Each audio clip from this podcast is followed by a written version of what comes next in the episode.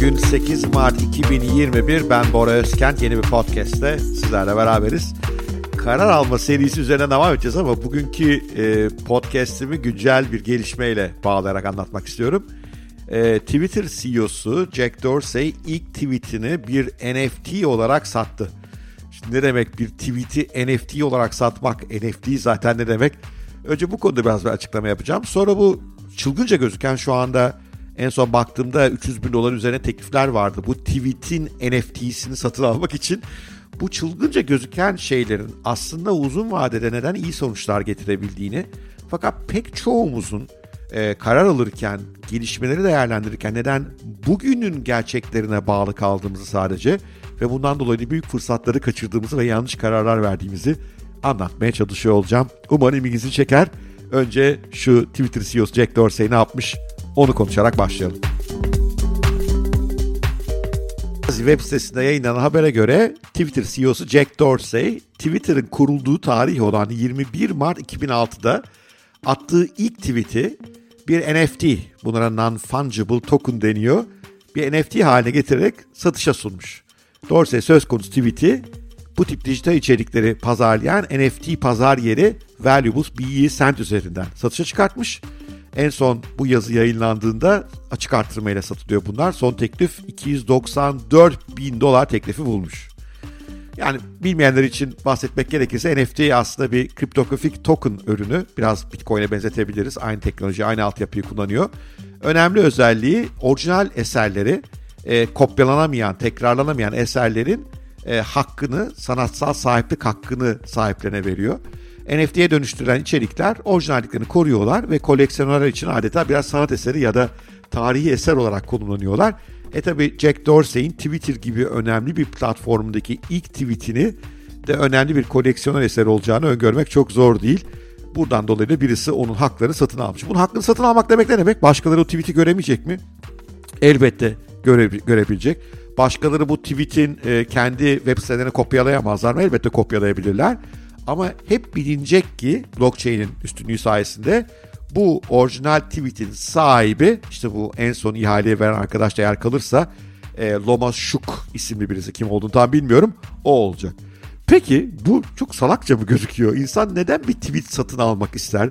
Neden bunu bir sanat eseri veya tarihi bir eser olarak görmek ister? Ve çoğumuzun aklı neden buna ermiyor? Gelin biraz buna girmeye çalışalım. Önce şunu bilmekte fayda var. Bugün büyük sanat eseri olarak gördüğümüz e, pek çok tablonun aslında kendi zamanlarında hiçbir değeri yoktu ve onların yaratan ressamlar da sefaret içinde öldüler. Yani bunun herhalde en güzel örneklerinden bir tanesi ömrü boyunca 5 kuruş para kazanamayan ve sonunda sefaret içinde ve biraz da açıkçası delirerek e, muhtemelen kendi hayatına son veren e, bu konuda başka iddialar olduğu için öyle söylüyorum Van Gogh. Yani ömrü boyunca tabloları küçümsenmiş, aşağılanmış, beğenilmemiş, günün sanat akımlarına uygun bulunmamış. Öldükten sonra bir süre sonra hemen de değil tablolar değerlenmeye başlamış. Bugün ise e, değerleri paha biçilmez boyutta. Peki aynı şey Jack Dorsey'in tweet hesabı içinde geçerli olabilir mi? E tarih diyor ki olabilir çünkü bugün baktığımızda değerli bulduğumuz pek çok sanat eseri, pek çok koleksiyon eseri, mesela dünyanın en çirkin arabaları yani çıktıkları zaman süper çirkin oldukları için kimsenin almadığı fakat birilerinin alıp koleksiyonuna koyduğu ve dünyanın en çirkin arabasını koleksiyonda bulundurduğu için zengin olduğu tuhaf örnekler de var. Veyahut da ne bileyim bir savaşta kullanılan bir topu bir şekilde satın alıp onu kenarda bir koleksiyon eseri olarak gören de var. Yani ve bunlar pazarda değer buluyor mu derseniz buluyor. Bu mesela Amerika'da beyzbol kartları var. Beyzbol oyuncularının niteliklerini anlatan kartlar. Geçenlerde okudum 1956'dan kalan bir beyzbol kartı. O dönem ünlü bir beyzbol oyuncusuna ait. 2 milyon dolara satılmış. Demek ki insanların zaman içerisinde neyi değerli göreceği, neye değer biçeceği biraz tartışılabilir. Belki e, bu Jack Dorsey'in tweet'i ileride değersiz olacak veya belki de çok değerli olacak. Yerde değer kazanacak şeyleri bugünden anlayamaması hatta reddediyor olmasının bir diğer örneğinde günümüz borsalarında yaşıyoruz. Amerika'da e, ARK Invest diye bir yatırım şirketi var. Benim çok hayranlık duyduğum yatırım şirketi özellikle yıkıcı inovasyonlara yatırım yapıyor. İşte tipik örnekler arasında Tesla ve Bitcoin gibi benim sevdiğim alanlarda var.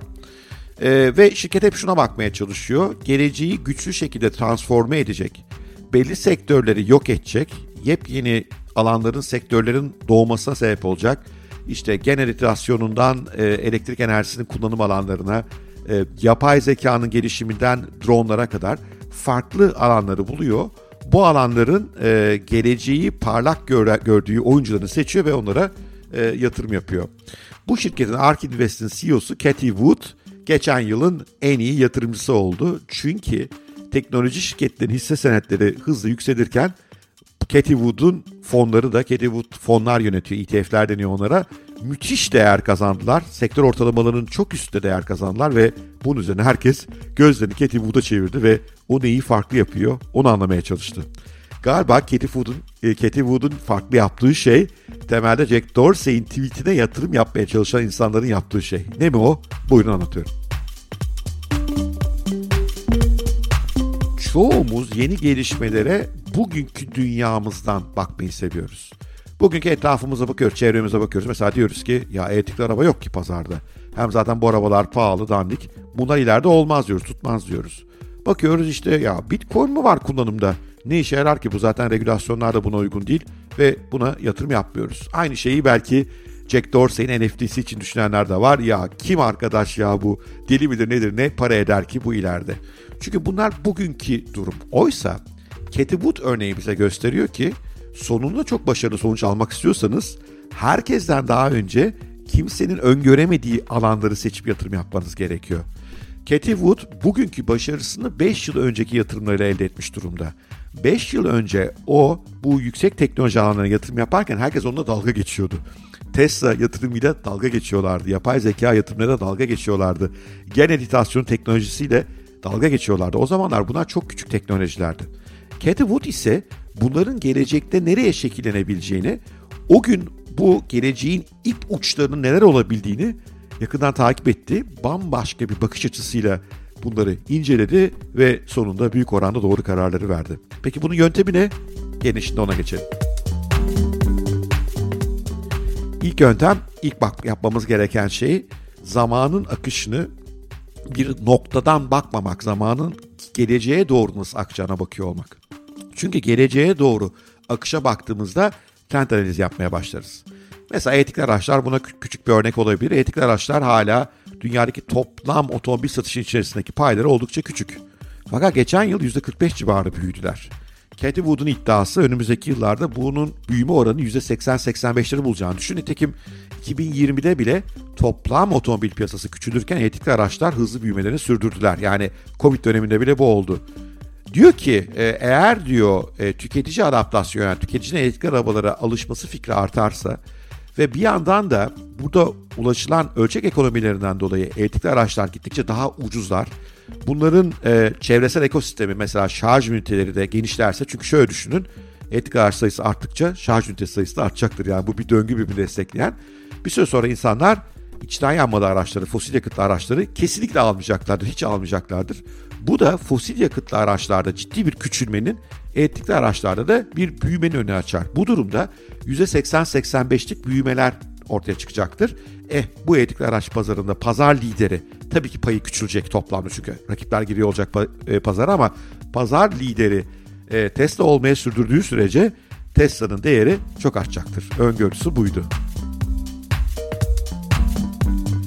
Ama e, Cathy Wood ve ekibi sadece bu öngörüde bulunmakla yetinmiyorlar. Acaba öngörüleri gerçekleşiyor mu? Bu öngörünün gerçekleşmesini sağlayan değişimler yaşanıyor. Mesela elektrikli arabaların en kritik konusu olan menzilleri uzuyor mu? Çünkü çok menzili kısa bir şeyi kimse satın almak istemeyecektir. Belki daha da önemlisi bu elektrikli arabaların e, pil e, kapasiteleri ucuzluyor mu? Yani e, Tesla bu işlere ilk yola çıktığında 1 kWh elektriği depolamanın maliyeti 1000 dolar civarındaydı. Şu anda %10'un altına doğru indi. Neden? Hem inovasyon hem ölçek ekonomisi sayesinde. Acaba pilin kimyasında bazı değişimler mümkün mü? Bu hem araçların pillerinin menzillerini değil ömürlerini uzatır mı? Çünkü ömür de önemli. Hani pilin ömrü bitince yenilemek lazım. Bu da masraflı bir şey. Hem de bu pillerin daha çevreci, daha çevreye duyarlı hale gelmesi sağlar. Çünkü biliyorsunuz pillerle ilgili de bazı çevresel sorunlar var, yok değil. Yine bunları da düzenli takip ediyor e, ekibi ve Bunu takip eden ekibin içerisinde gerçek bilim insanları, etik teknolojisi, otomobil teknolojisi konusunda gerçek bilim insanları var ve o bilim insanlarının bakışı Cathy Wood'un yatırım stratejisini şekillendiriyor ve bu da onu biraz günlük dalgalanmalar, günlük indi çıktılardan daha uzun vadeli dönüşüme doğru bakmasını mümkün kılıyor. Ama daha önemlisi de var. Tesla'nın e, yeni fiyatının, hisse başı fiyatının 5-6 bin dolarlara gidebileceğini söylüyor. Ki bu aralar Tesla'nın fiyatı düşüyor. Belki biliyorsunuz Amerika'da bütün teknoloji şirketleri geri çekiliyor hisse değerleri şu anda. Sebebi ekonomik ama sonra detaylı bir başka podcast'ta ele alırız. Şimdi Cathy Wood buna rağmen diyor ki bunun hissesi bir kez daha ikiye katlayacak en az kendi diyor. Çünkü diyor daha otonom taksi filoları devreye girmedi. Nedir otonom taksi filosu? İşte bir aracın sizi istediğiniz yerden istediğiniz şekilde alıp götürüyor olması. Uber gibi ama içinde şoförün olmaması. E, bunun için tam otonom araçlar lazım. Bu gerçekleşirse e, bir yerden bir yere gitme maliyetiniz köklü şekilde azalacağından araba satın alma ihtiyacınız ortadan kalkacaktır. Peki Wood bu konuda ne yapıyor? Bir böyle bir öngörü koyuyor. İki otonom sürüş için gerekli ortamın, zekanın, teknolojinin gelişip gelişmediğini yakından takip ediyor. O yüzden ekibinde bu tip teknolojileri, yapay zeka, otonom sürüş, bunları destekleyen mikroçip teknolojileri, bunları destekleyen makine öğrenmesi gibi alanlardaki gelişmeleri izleyen insanlar da var. Bütün bu ekibin bakış açısı Tesla'nın ve diğer açıkçası otonom destekli araçların geleceği konusunda onun kafasını şekillendiriyor. İster bir yatırım kararı olarak bakın, isterseniz doğru alanda kariyer yapmak, doğru alanda kariyer derken doğru mesleği seçmek, doğru endüstriyi seçmek, doğru gelişim alanını seçmek. İsterseniz çocuklarınızı neye göre yetiştireceğiniz olarak bakın. Hep bu ana fikir kafanızda olsun.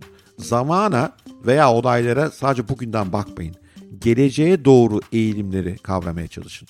Mesela Jack Dorsey'in NFT fikrine baktığınızda NFT ne saçma iş ya kim Twitter sahibi olmak ister ki bir tweet'in sahibi olmak ister diye bakmayın. Önce NFT teknolojisini yakından kavrayın. NFT teknolojisi acaba sanatçılara ne gibi avantajlar sunuyor ki e, fikir haklarının korunması konusunda inanılmaz değerler katıyor. Koleksiyonerlere ne gibi eserler katıyor. NFT bir teknoloji. Bu durumda aslında bir sanat eseri bir yazılımın parçası haline geliyor. Sanat eseri bir yazılım olması ona ne gibi yeni özellikler katabilir? Mesela sanat eseri kendi zaman içinde güncelleyebilir mi?